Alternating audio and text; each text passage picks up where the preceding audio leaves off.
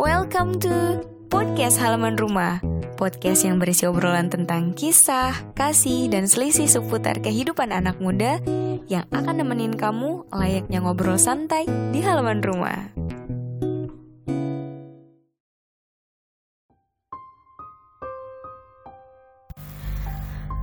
Aku adalah aku.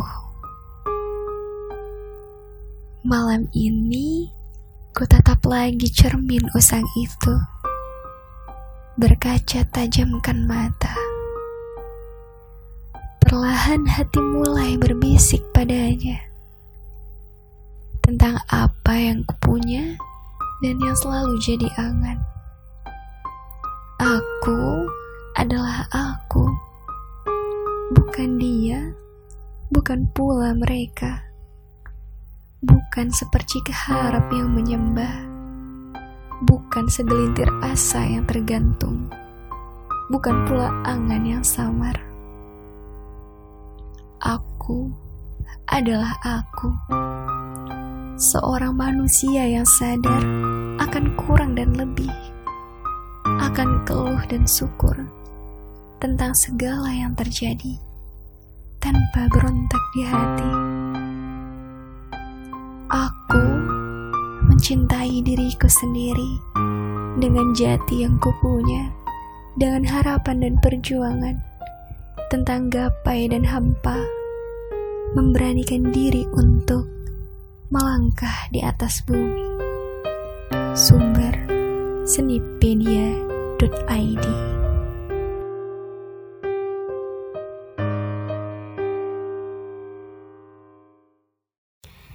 Tadi gue udah bacain puisi. Menurut lo, kira-kira apa sih yang bakal gue bahas? Setelah kemarin gue habis bahas tentang lima watak sejati yang ada di dalam diri manusia, sekarang gue akan bahas tentang jati diri. Dan kalau ada yang nanya, apa sih yang ngebuat lo pengen bahas ini? Gini ya, menurut gue ini tuh menarik banget. Setelah gue telik-telik, setelah gue pahamin, setelah gue amatin, ternyata masih banyak yang bingung tentang dirinya sendiri. Bahkan di seumuran gue yang udah umur 20 tahunan. Dan gue juga sempat dengar ada yang curhat sama gue kalau dia lagi kehilangan dirinya sendiri.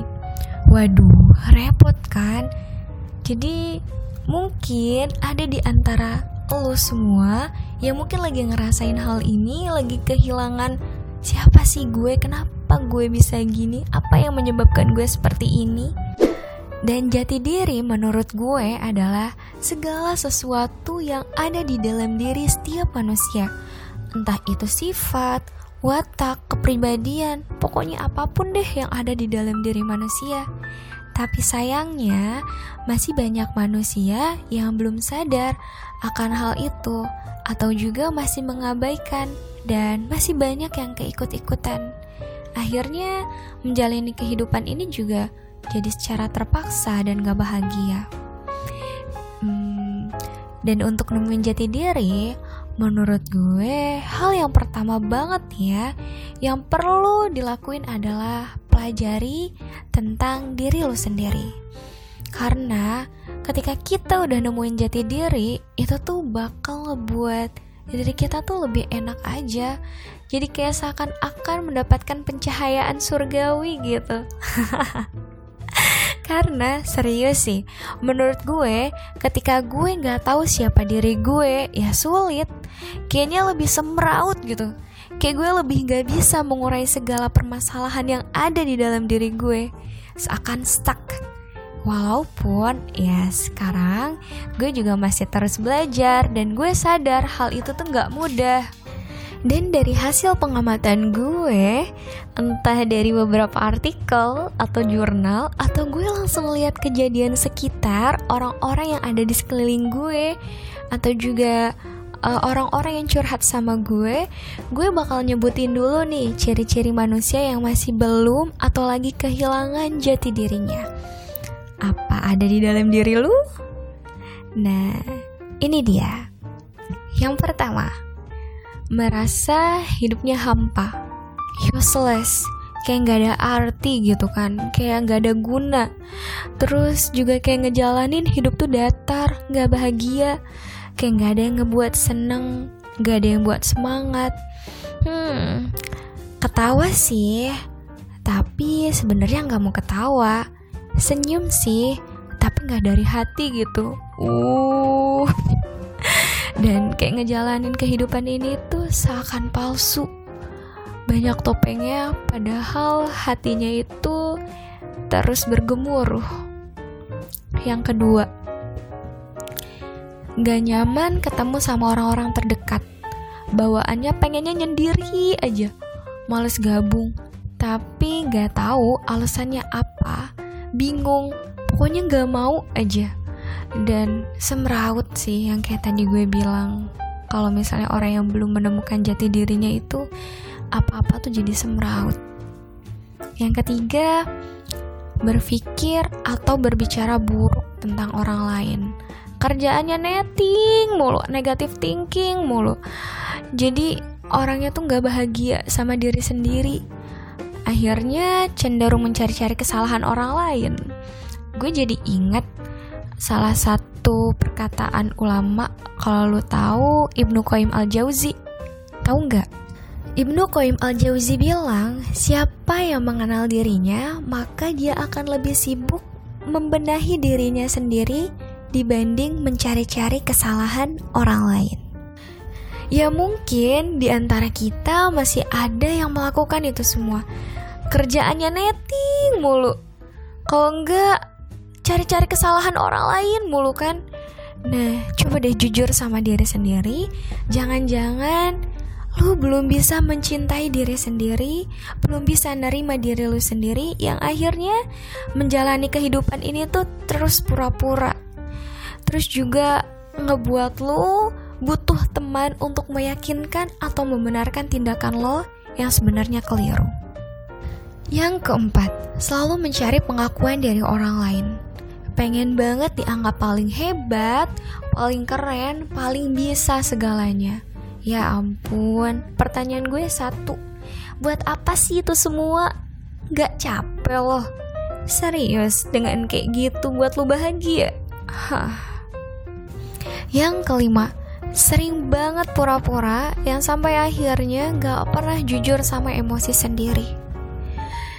Ya, mungkin gue tahu kalau misalnya kita mendapatkan rasa sakit dalam kehidupan, itu tuh sulit banget untuk diterima kita rasanya pengen bohong kalau itu nggak sakit please tapi jangan bohong. Itu malah ngebuat diri lu semakin sakit dan sulit mengobatinya. Dan makin bikin lu bisa jadi kehilangan diri lu sendiri. Yang keenam maksain bergaul dengan orang yang padahal lu nggak suka. Batin lu berkecamuk kalau misalnya gabung sama orang tersebut. Akhirnya lu mengabaikan kan apa kata hati lu karena lu cuma jadi pribadi yang ikut-ikutan karena khawatir lu dianggap orang yang cupu orang yang gak keren dan misalnya orang yang gak modis. Tapi menurut gue itu semakin memperlihatkan bahwasannya lu belum punya prinsip dalam hidup. Yang terakhir selalu ngebandingin diri sendiri sama orang lain. Aduh, tolong ya, tolong. Ini tuh malah bikin ngebuat lo jadi minder. Ya bagus sih, ada kalanya kita pun harus membandingkan dari kita sama orang lain. Tapi sesuai porsinya. Jangan juga berlebih-lebihan. Akhirnya malah ngebuat lo minder atau enggak ngebuat lo jadi terlalu kepedean. Ya bahaya juga. Jadi lo nggak tahu mana nih diri lo By the way, setelah tadi gue sebutin ciri-cirinya, gimana nih menurut lo? Apa masih ada yang ngalamin semua hal itu? Dan mungkin sebenarnya masih banyak kali ya ciri-ciri yang lain. Cuma yang umum dan sering gue temuin dari entah kejadian nyata atau beberapa jurnal dan artikel. Nah, itu yang tadi gue sebutin. Dan kabar gembiranya, gue juga udah ngumpulin beberapa tips untuk memulai proses penemuan jati diri. Yang pertama, bangun kesadaran diri lo. Dan ini bisa dimulai dengan buat kerangka waktu secara spesifik. Atau kalau lu tahu life mapping, bisa juga tuh dipakai. Kalau misalnya belum tahu, bisa sambil searching karena emang cukup jelas juga kok di Google. Dan yang gue rasain nih ya, setelah gue sempet buat life mapping ini, gue jadi lebih tahu aja sih apa tujuan hidup gue. Terus, lu juga bisa nih tulis semua peristiwa-peristiwa yang mempengaruhi apa yang ngebuat lu kayak sekarang ini. Entah itu peristiwa pahit ataupun peristiwa yang membahagiakan. Yang kedua, bedain pikiran lu, harapan lu sama pikiran dan harapan orang lain. Ya mungkin itu semua emang baik, tapi benar nggak itu baik buat lu? Dan lu nyaman nggak buat ngejalanin itu semua? Ya carilah hal-hal yang baik dan benar yang emang itu tuh mencerminkan diri lo. Yang ketiga, percaya diri. Jangan minder mulu, tapi jangan juga terlalu kepedean. Intinya sih, semuanya logis dan realistis. Kita bisa memperhitungkan kira-kira mampu nggak nih, gitu kan? Kira-kira bisa nggak ya gue? Gitu. Jadi jangan juga terlalu kepedean yang malah ngebuat lu jadi terperosok. Tapi jangan juga terlalu minder yang akhirnya ngebuat lu nggak bisa ngembangin potensi yang ada di dalam diri lo dan berani ambil keputusan. Karena segala sesuatu tuh punya resikonya masing-masing. Kita hanya berperan untuk meminimalisir hal-hal yang negatif. Sebenarnya apa sih yang lu minderin? Takut jelek? Takut orang gak suka? Atau takut dinilai buruk? Hmm, entah ya, gimana kalau gue sih mikirnya kalau gue gagal ya belajar lagi. Berarti gue harus cari cara untuk biar gue gak gagal. Dan kalau gue minder, ya gue belajar lagi gimana caranya gue harus bisa kasih yang terbaik. Setelah itu, ya I don't care, gue gak peduli orang mau ngomong apa. Kalau selama itu yang gue jalanin, gak ngerugiin orang lain, gak mengambil hak orang lain, terus juga gak menyakiti orang lain, ya udah gue lanjutin Bismillah aja dan cara ini menurut gue bisa buat klarifikasi dan mengidentifikasi ada apa dengan lu yang sebenarnya. Hitung-hitung dengan ini juga bisa ngebuat lu tahu apa potensi yang bisa lu optimalin ke depannya dan apa hal negatif yang bisa lu kurangin. Yang keempat, buka lembaran baru. Bukalah, bukalah lembaran baru. Bukalah, bukalah lembaran baru. Buka lembaran baru. Eh, bentar. Ini lagu apa ya BTW? Asli, gue gak tahu. Tuh kan, terlalu kepedean. Akhirnya apa? Ngerusak lagu? Udah mana suara jelek? Ya akhirnya bahaya. Nih, bener-bener ya lu punya hal buruk yang kayaknya susah banget dihilangin, berusahalah untuk meminimalisir itu. Karena hal buruk tuh asli ngaruh banget ke kehidupan lu ke depannya. Makanya kenapa gue masukin buka lembaran baru ini ke dalam tips menemukan salah satu menemukan jati diri. Yang kelima, Coba deh, lu mulai dari sekarang buat jadwal. Atur segala permasalahan, cari solusinya, jangan langsung root gitu aja. Belajar tenang juga ya. Yakin deh, semua pasti ada jalan keluarnya. Dan everything's gonna be okay. Everything's gonna be okay. Pokoknya gak usah masalahin deh sesuatu yang gak perlu dimasalahin. Jangan ngebesar-besarin masalah yang harusnya udah selesai. Intinya jangan dibawa ribet.